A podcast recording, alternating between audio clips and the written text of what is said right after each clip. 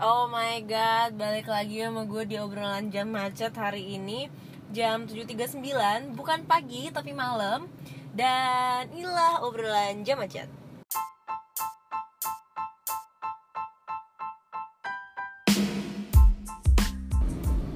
Oke, jadi gak biasanya gue recording malam-malam di dalam mobil biasanya selalu akan beraktivitas di pagi hari jadi kebetulan karena gue hari ini baru balik banget dan kepikiran tadi karena ngebaca biasalah kan makhluk-makhluk tidak ada kerjaan.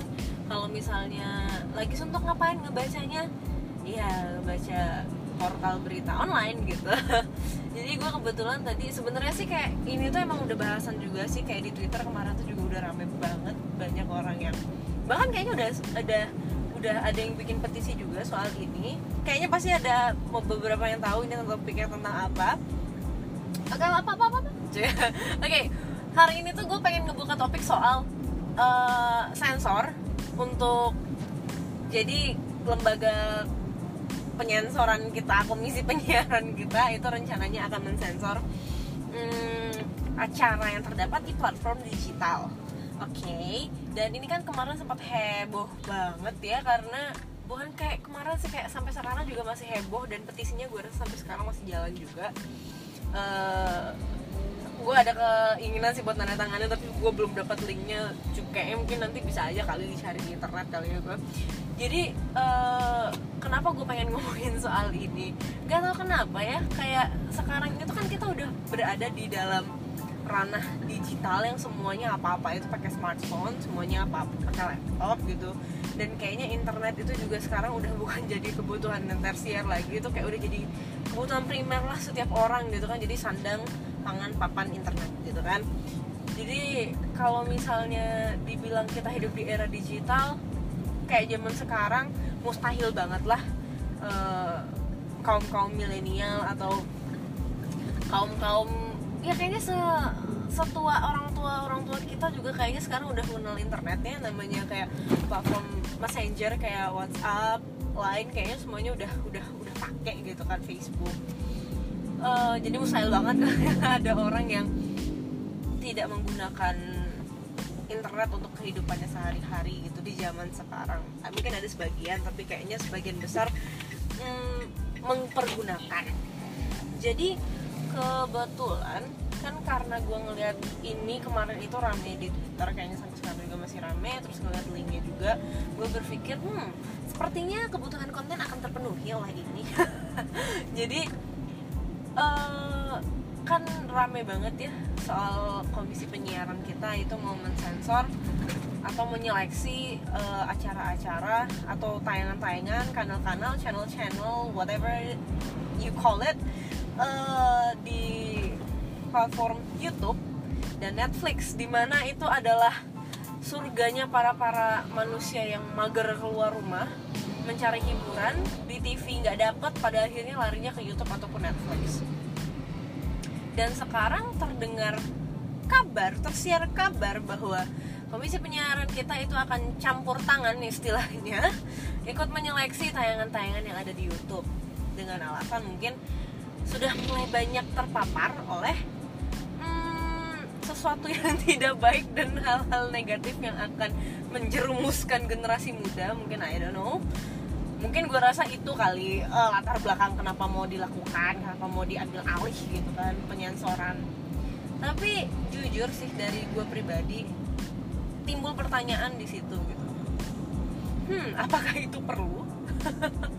Jadi gue merasa seperti ini uh, komisi penyiaran kita itu kan kalau nggak salah sudah ada tugas di mana beliau-beliau ini kan menyeleksi tayangan-tayangan di TV-TV kita ya, baik TV TV swasta ataupun TV nasional kita. Dan itu adalah wewenangnya beliau-beliau untuk menyeleksi tayangan apa yang layak untuk tayang, memperingatkan program-program yang sekiranya mungkin agak sedikit bukan agak sedikit sih, program-program yang melanggar norma istilahnya program-program yang melanggar hal-hal atau aturan-aturan yang sudah ditetapkan dan bahkan bisa memberhentikan tayang program-program yang dinilai tetap melanggar setelah beberapa kali diperingatkan. Nah, menurut gue sih kalau nggak salah gue itu adalah wewenang dari hmm, si komisi penyiaran kita atau KPI itu sendiri ya cuma sekarang malah mau merambah ke dunia platform digital yang pada akhirnya mau di seleksi juga nih sama beliau-beliau gitu. Pertanyaan gue dan ke, mungkin pertanyaan kebanyakan orang juga ya. Kalau gue jujur ditanya pro atau kontra gue mungkin merasa bahwa keputusannya seperti ini tuh dinilai menurut gue sih apa ya? Mengada-ngada sih menurut gue gimana ya? Keputusan seperti ini tuh gue jujur kontra gitu loh sama sama sama sama wacana yang kayak gini gitu loh. Kenapa? Karena setahu gue juga bukannya platform digital seperti YouTube dan Netflix itu adalah wewenang dari Kemenkominfo ya.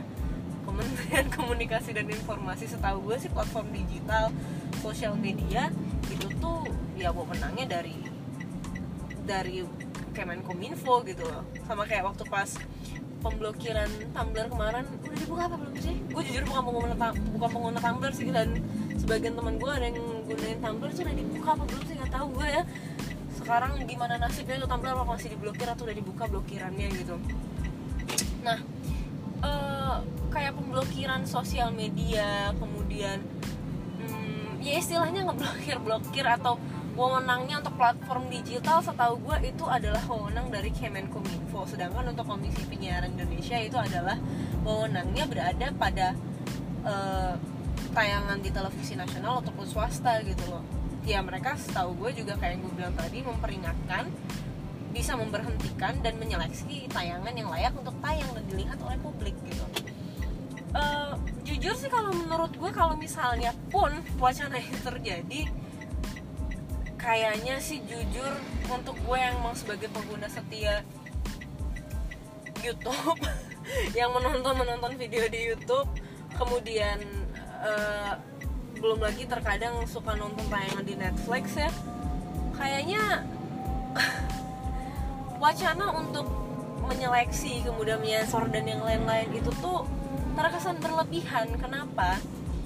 Untuk Netflix sendiri deh. Netflix itu kan adalah aplikasi untuk menonton dan itu bukan setahu gue kan itu bukan aplikasi yang free ya.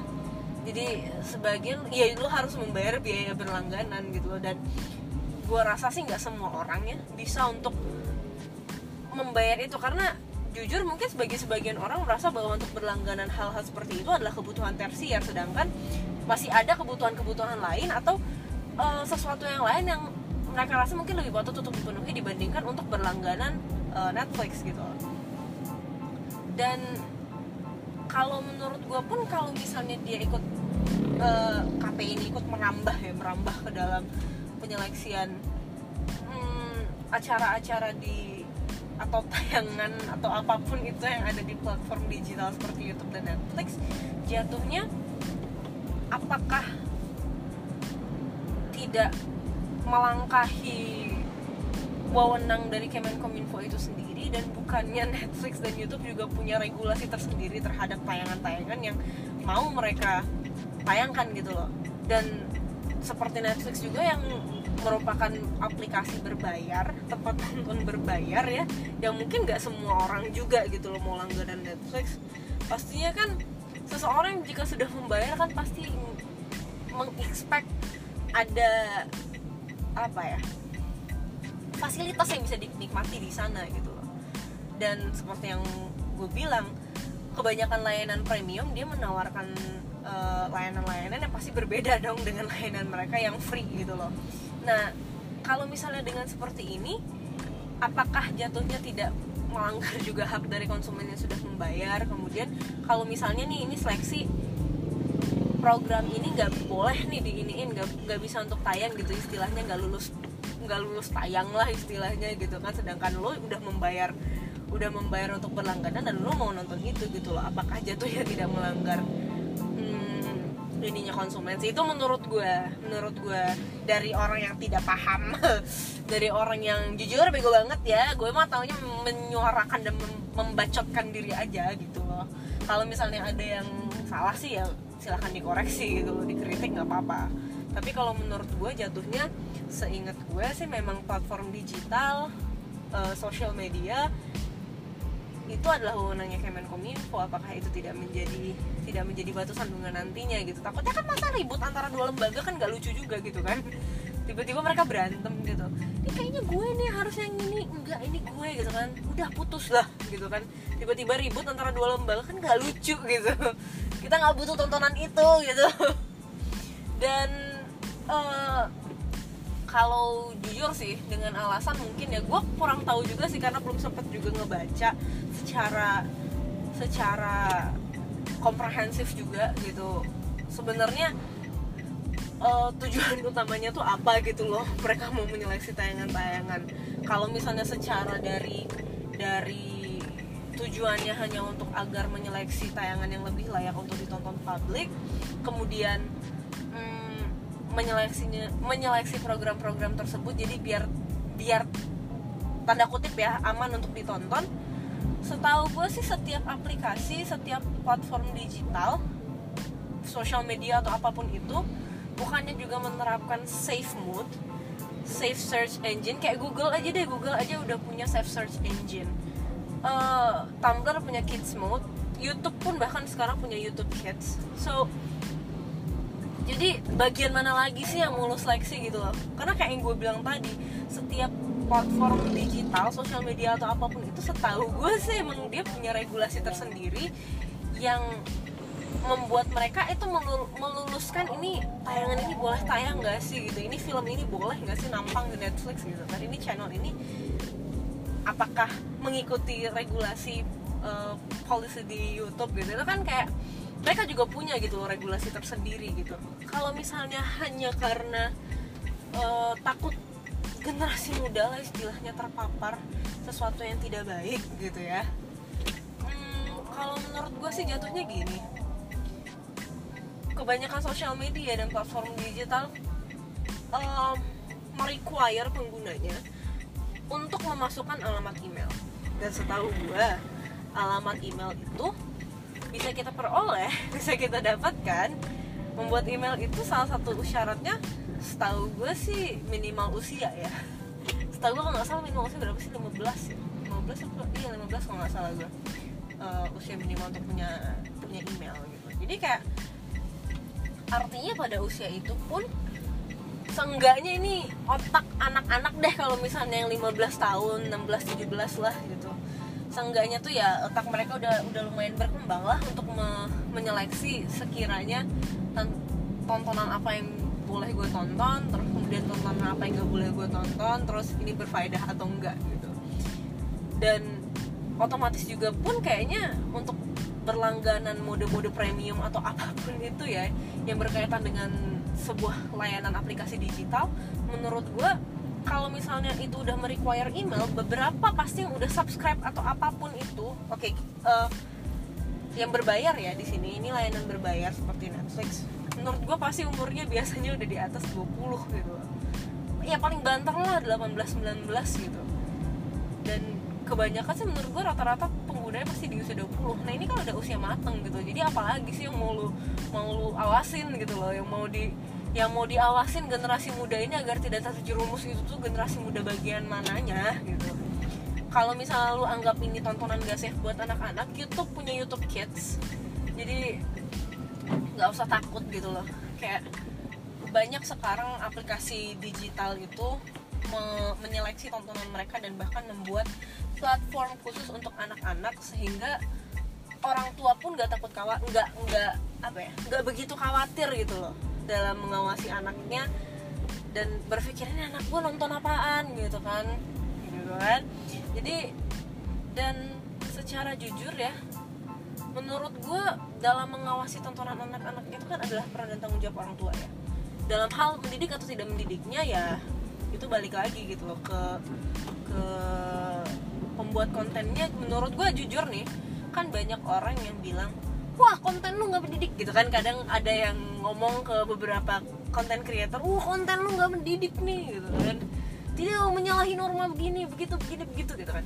Gue jujur sih para konten creator itu menurut gue adalah seseorang yang mengeluarkan karya. Mendidik atau tidak mendidiknya itu kan relatif ya bagi semua bagi tiap setiap orang. Kadang ada orang wow. Balik lagi. Sorry mobil gue berulah tadi. Balik lagi. Mendidik atau tidak mendidiknya itu kan relatif ya. Ada kan kadang orang yang bi bilang gitu. Ya padahal gue mau ke festival tahu lo masih di daerah pecinan deket di daerah itu. Tahun deket tempat gue tinggal ini tuh kayak lagi ada festival buat 17-an gitu men. Ya hari hujan. Festivalnya outdoor.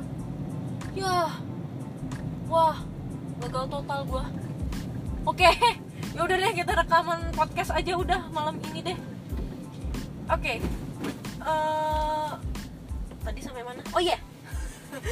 Balik lagi mendidik atau tidak mendidiknya itu kan adalah relatif ya bagi setiap orang tergantung sih menurut gua karena kok mendidik atau tidak mendidik itu kan dia tergantung dari lu gitu kadang misal deh konten creator yang emang fokusnya ke kecantikan atau konten creator yang fokusnya ke traveling oke okay?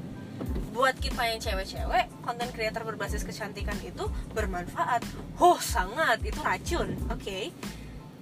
tapi untuk sebagian orang yang memang tidak mengikuti itu ya otomatis mereka akan bilang oh ini konten ini nggak mengajarkan sesuatu yang yang yang faedah gitu loh ini nir faedah gitu oke okay? bagi sebagian orang jadi mendidik atau tidak mendidik menurut gue itu relatif gitu nah dan mendidik atau tidak mendidik mengajarkan anak-anak untuk menonton hal yang mendidik atau tidak mendidik menurut gue itu bukan tanggung jawab content creator. Itu adalah tanggung jawab lu sebagai orang tua. Tanggung jawab lu sebagai yang lebih tua daripada ini anak untuk bilang ya adik nontonnya nggak boleh yang ini gitu loh.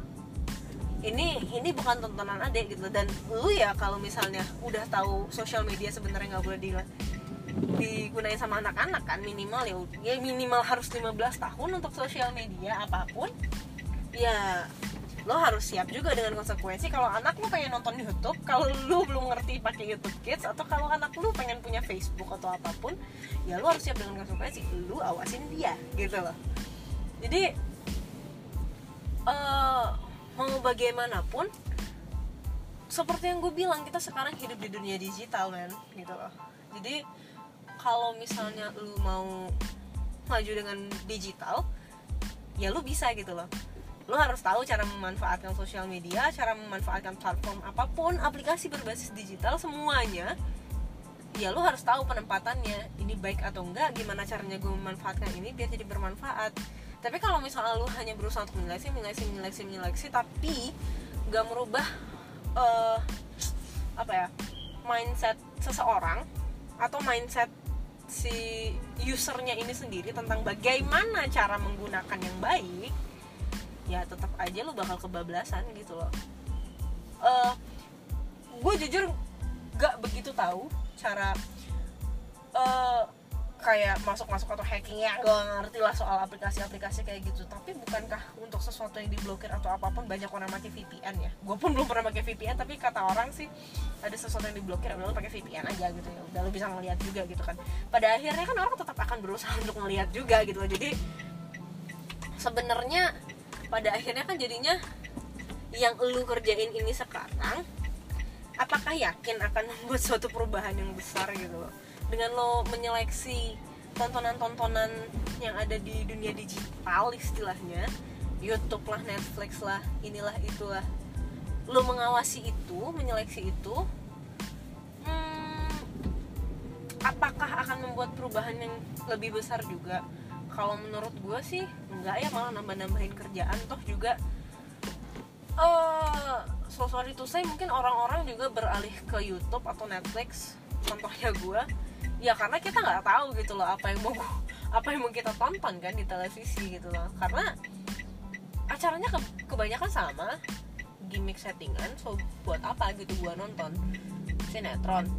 Kalau misalnya banyak yang bilang bahwa tontonan di YouTube atau tontonan di di Netflix itu banyak yang gak mendidik dan merasa bahwa apa yang ada di sana itu istilahnya yang mencemari generasi muda uh, sebenarnya sih kalau misalnya dilihat sekarang dari pandangan gue pun sebagai jujur sebagai apa ya istilahnya sih generasi muda ya ngelihat tentang tayangan di TV sih kayaknya bu- buat gue sih ya 11 12 aja gitu mendidik gak mendidiknya ya sama sama aja gitu ya balik lagi kan gitu. Memang mendidik gak mendidik itu relatif ya tergantung gimana caranya lo ngawasin. Kalau untuk platform digital terus juga sekarang udah ada modenya gitu. Kalau takut anak lo terpapar sesuatu yang enggak enggak ya kan ada aplikasi YouTube Kids gitu. Untuk Netflix well Netflix nggak hanya nggak hanya menayangkan film-film yang menurut kebanyakan orang mungkin nganggap untuk kita yang anak muda ya kita merasa ini seru gitu loh ya buat apa gitu kan. Ini udah kayak tempat me time kita gitu. Jadi kayak ini kenapa sih mobil di depan nih?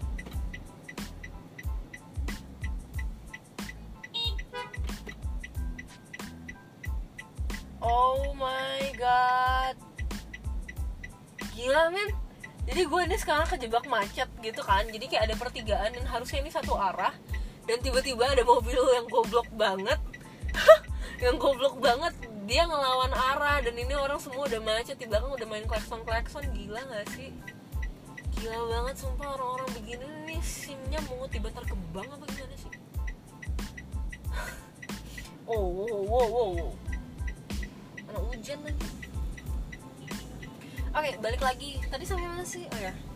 Kayak ya untuk me- mengawasi itu tuh sekarang sudah ada mode-mode safe safe mode everything itu tuh udah ada safe mode-nya.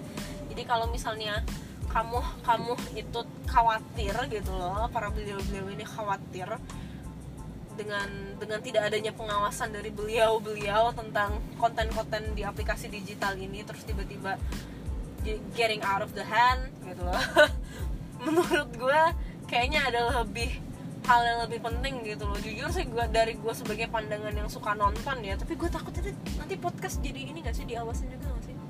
Kalau ini gue gak jelek-jelekin mereka loh bahaya loh ini. Jadi kayak menurut gue ya kalau misalnya lo takut itu getting out of the hand ya udah gitu loh. Kan udah ada YouTube Kids sudah ada safe mode safe search engine everything gitu loh. Lo udah udah ada jadi buat apa lagi anda mere- merepotkan diri gitu. Kan mereka juga udah punya regulasi tersendiri gitu loh. Tolonglah. Karena menurut gue yang lebih penting sekarang ya jujur. Kan gue jujur sih sebenarnya nggak ngerti banget ya yang diseleksi atau yang diawasi atau yang eh, kriteria atau kategori yang sebenarnya ya untuk para komisioner di komisi penyiaran itu kriterianya dalam menentukan suatu program layak tayang diperingatkan bahkan diberhentikan tayang itu apa? Karena jujur gue nggak tahu banget. Ada beberapa kayak tayangan-tayangan yang menurut gue sih useless gitu. Itu nggak ada nggak ada nggak ada faedahnya juga gitu. Hanya gimmick-gimmick orang putus kemudian nangis-nangis gitu kan. Kayak terus ada orang yang percaya gitu oh dia jahat. Ya kayak ya gimmick-gimmick seperti itulah gitu.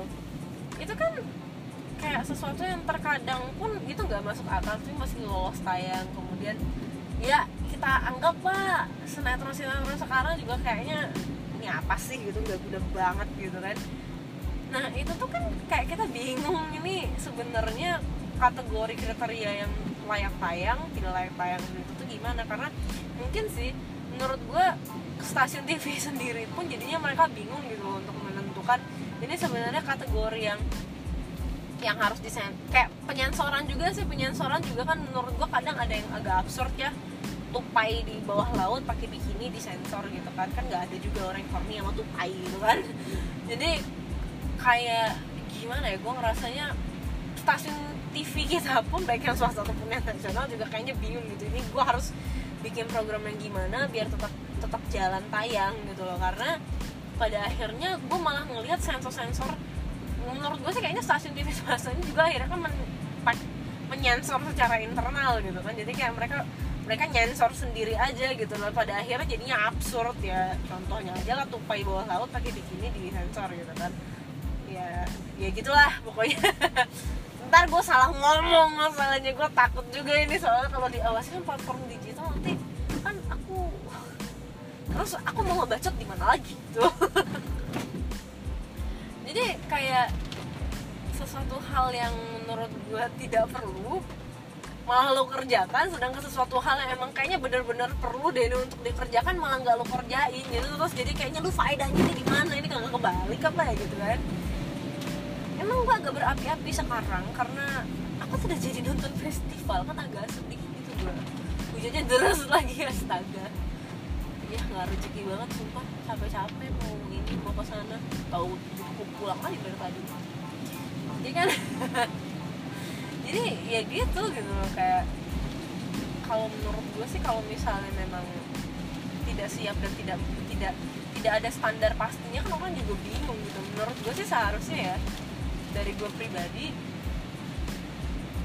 ini harus tahu dulu deh sebenarnya kriteria untuk lolos seleksi program layak tayang kemudian seleksi bahwa apa sih uh, seleksi layak tayang kemudian diperingatkan dan diberhentikan tayang itu sebenarnya seperti apa dulu gitu loh. Karena pada akhirnya kan semuanya bingung dan sekarang mau merambah juga untuk men di layanan berbasis digital gitu loh. Tayangan berbasis digital kayak Netflix dan YouTube. Sedangkan jujur mereka juga udah ada regulasi tersendirinya kan. Mereka juga udah ada safe mode dan yang lain-lain restricted mode and everything gitu loh. Jadi apalagi sih yang mau diganggu gugat gitu loh. Menurut gue sih sebenarnya sebaiknya dan juga kan ini udah wow wow wow wow.